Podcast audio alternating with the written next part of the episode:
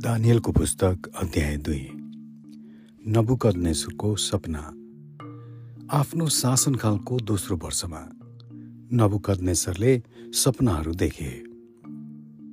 उनको मनमा छट्टीपट्टि भयो र उनी सुत्न सकेनन्। यसकारण राजाले जादुगर मन्त्रतन्त्र गर्नेहरू बिजुवाहरू र ज्योतिषीहरूलाई उनले देखेको सपना बताइदेऊन् भनेर बोलाउने हुकुम गरे।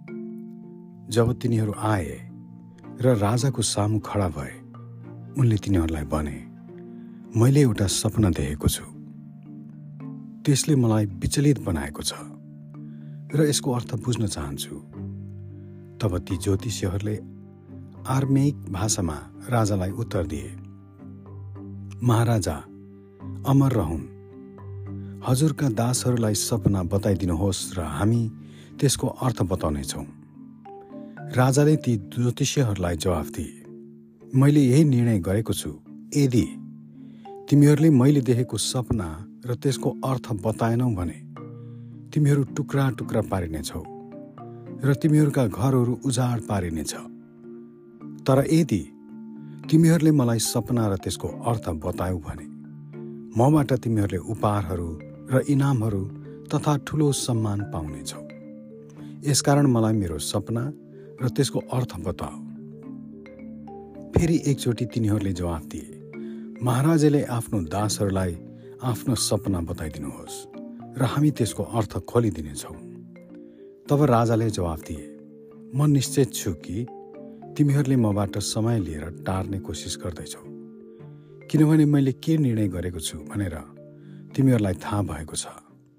यदि तिमीहरूले मलाई सपना बताएनौ भने तिमीहरूका लागि एउटै मात्रै सजाय छ। यो परिस्थिति बदल्नेमा भने आशाले मलाई भ्रम र दुष्ट कुरा गर्ने तिमीहरूले मतो गरेका छौ। यसकारण मलाई सपना बताऊ अनि मलाई थाहा हुनेछ कि तिमीहरूले यसको अर्थ मलाई बताउन सक्नेछौ ज्योतिषहरूले राजालाई उत्तर दिए।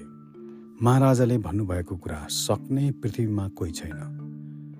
जति महान र शक्तिशाली भए पनि कुनै राजाले जा कुनै जादुगर वा तन्त्र मन्त्र गर्ने वा ज्योतिषीहरूसँग यस्तो कुरा कहिल्यै माग गरेको छैनन्।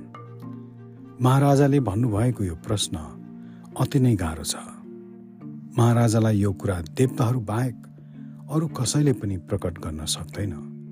ती देवताहरू मानिसहरूको बिचमा बस्दैनन्। यसले गर्दा राजा रिसले यति चुर भए कि उनले बेबिलोनका सबै ज्ञानी पुरुषहरूलाई मृत्युदण्ड दिने हुकुम गरे।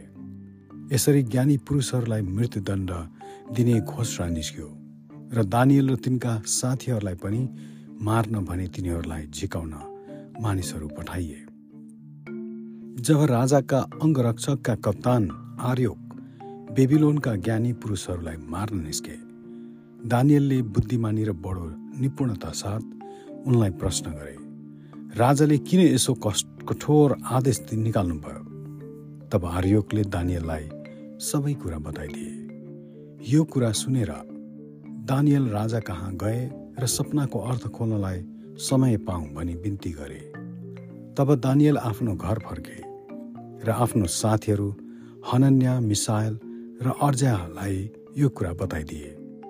बेबिलोनका अरू ज्ञानी पुरुषहरूका साथमा तिनी र तिनका साथीहरू नमारिउन् भन्ने खातिर यो रहस्य खोल्न स्वर्गका परमेश्वरको कृपा मिलोस् भनी तिनले आफ्ना साथीहरूलाई उहाँसँग प्रार्थना गर्न अनुरोध गरे।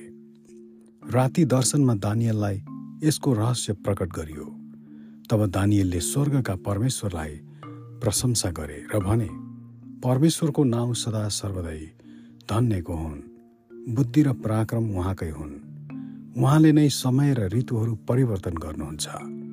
उहाँले नै राजाहरूलाई सिंहासनमा राख्नुहुन्छ र उनीहरूलाई अपदस्त गर्नुहुन्छ। उहाँले समझदारहरूलाई बुद्धि दिनुहुन्छ अनि विवेकीहरूलाई ज्ञान दिनुहुन्छ। उहाँले गहिरा र लुकिएका कुराहरू प्रकट गर्नुहुन्छ।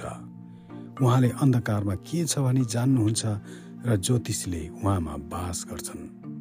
हे मेरा पिता पुर्खाका परमेश्वर तपाईँलाई म धन्यवाद दिँदछु र प्रशंसा गर्दछु। तपाईँले मलाई बुद्धि र शक्ति दिनुभएको छ। हामीले मागेको कुरा तपाईँले मलाई प्रकट गर्नुभयो। तपाईँले हामीलाई राजाको सपना प्रकट गर्नुभयो। दानियलले सपनाको अर्थ बताउँदछन्। तब दानियल बेबिलोनका ज्ञानी पुरुषहरूलाई मार्न भनी राजाले खटाएका आर्य कहाँ गएर उनलाई भने बेबिलोनका ज्ञानी पुरुषहरूलाई नमार्नु। मलाई राजा कहाँ लैजानु र म उहाँलाई उहाँको सपनाको अर्थ बताइदिनेछु। अनि आर्योगले दानियललाई तुरुन्तै राजा कहाँ लगे र भने यहुदाबाट आएका प्रवासीहरू मध्ये एकजना मानिसलाई मैले भेटाएको छु जसले राजालाई सपनाको अर्थ बताउन सक्छ। राजाले दानियललाई जसको नाउँ बिलत सजर पनि हो सोधे के तिमी मेरो सपना र त्यसको अर्थ बताउन सक्छौ दानियलले जवाफ दिए महाराजाले सोध्नु भएको रहस्यको कुरा पनि ज्ञानी पुरुष मन्त्रतन्त्र गर्ने जादुगर वा जोख्न हेर्नेले बताउन सक्दैनन्। तर स्वर्गमा एक परमेश्वर हुनुहुन्छ जसले रहस्यका कुराहरू प्रकट गर्नुहुन्छ। उहाँले महाराजा नवकदनेश्वरलाई भविष्यमा हुने कुराहरू देखाउनु भएको छ। हजुर ओछ्यानमा ढल्किरहनु हुँदा हजुरको मनमा भएका सपना र दर्शनहरू यिनै हुन्।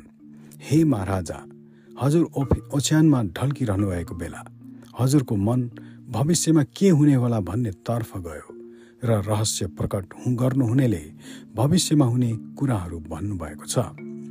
तर जसै मलाई यो रहस्य खोलिएको छ अरू जीवित प्राणीहरू भन्दा ममा बढ्ता बुद्धि भएको कारणले होइन तर यसै कारण कि हजुर महाराजलाई सपनाको अर्थ खोलियोस् र हजुरको आफ्नो मनमा भएका कुरा बुझ्न सक्नु भएको होस् भनेर हो। हे महाराजा हजुरले हेरिरहनुहुँदा एउटा ठुलो शालिक उभिएको देख्नुभयो। यो शालिक विशाल र अत्यन्तै चहकिलो देखिन्थ्यो र त्यसको रूप भयानक थियो। त्यस शालिकको टाउको निष्खर सुनको त्यसका छाती र हातहरू चाँदीका त्यसका पेट र तिघ्राहरू काँसाका त्यसका घोडाहरू फलामका र त्यसका खुट्टाहरू केही फलाम र केही माटोका थिए। हजुरले हेरिरहनुहुँदा चट्टानबाट एउटा ढुङ्गा काटियो। तर मानिसको हातद्वारा होइन। यसले त्यस शालिगका फलाम र माटोले बनेका खुट्टालाई हान्यो र ती चकनाचुर पारिदियो। त्यसपछि त्यो फलाम काँसो चाँदी र सुन सबै एकैचोटि धुलो पिठो भए र ग्रीष्म ऋतुमा अन्न चुट्ने खलाबाट भुसलाई उडाए झैँ बतासले त्यसलाई नाउँ निशानै नहुने गरी उडाएर लग्यो। तर त्यस शालिगलाई हान्ने त्यो ढुङ्गा बढ्दै गएर ठुलो पहाड बन्यो। र पुरै पृथ्वीलाई ढाकिदियो। सपना यही थियो र अब महाराजलाई यसको अर्थ बताउनेछौँ। हजुर नै राजाहरूका महाराजा हुनुहुन्छ। स्वर्गका परमेश्वरले हजुरलाई राज्य पराक्रम शक्ति र महिमा दिनुभएको छ। हजुरको हातमा उहाँले सारा पृथ्वीका मानिसहरू र पशुहरू र आकाशका पक्षीहरू दिनुभएको छ। जहाँ जहाँ उनीहरू बस्छन् उहाँले हजुरलाई उनीहरूमाथि अधिकार गर्न दिनुभएको छ। हजुर नै त्यो सुनको टाउको हुनुहुन्छ। हजुरपछि हजुरको भन्दा अलि कमजोर राज्य खडा हुनेछ। त्यसपछि काँसाको तेस्रो राज्यले सारा पृथ्वीमाथि अधिकार जमाउनेछ। अन्त्यमा फलाम जस्तै बलियो चौथो राज्य आउनेछ किनभने फलामले सबै थोक चकनाचुर पारिदिए झैँ त्यसले अरू सबैलाई तोडफोड गरी तितर बितर पार्नेछ। हजुरले यसका खुट्टा र औँलाहरू केही माटोले केही फलामले बनेका देख्नु भए झै यो विभाजन राज्य हुनेछ। तैपनि यसमा केही मात्रामा फलामको बल हुनेछ जसरी हजुरले फलाम माटोसित मिसिएको देख्नुभयो। जसरी ती औँलाहरू केही फलाम र केही माटोका थिए त्यसरी नै यो राज्य केही बलियो केही सजिलैसित टुक्रिने हुनेछ।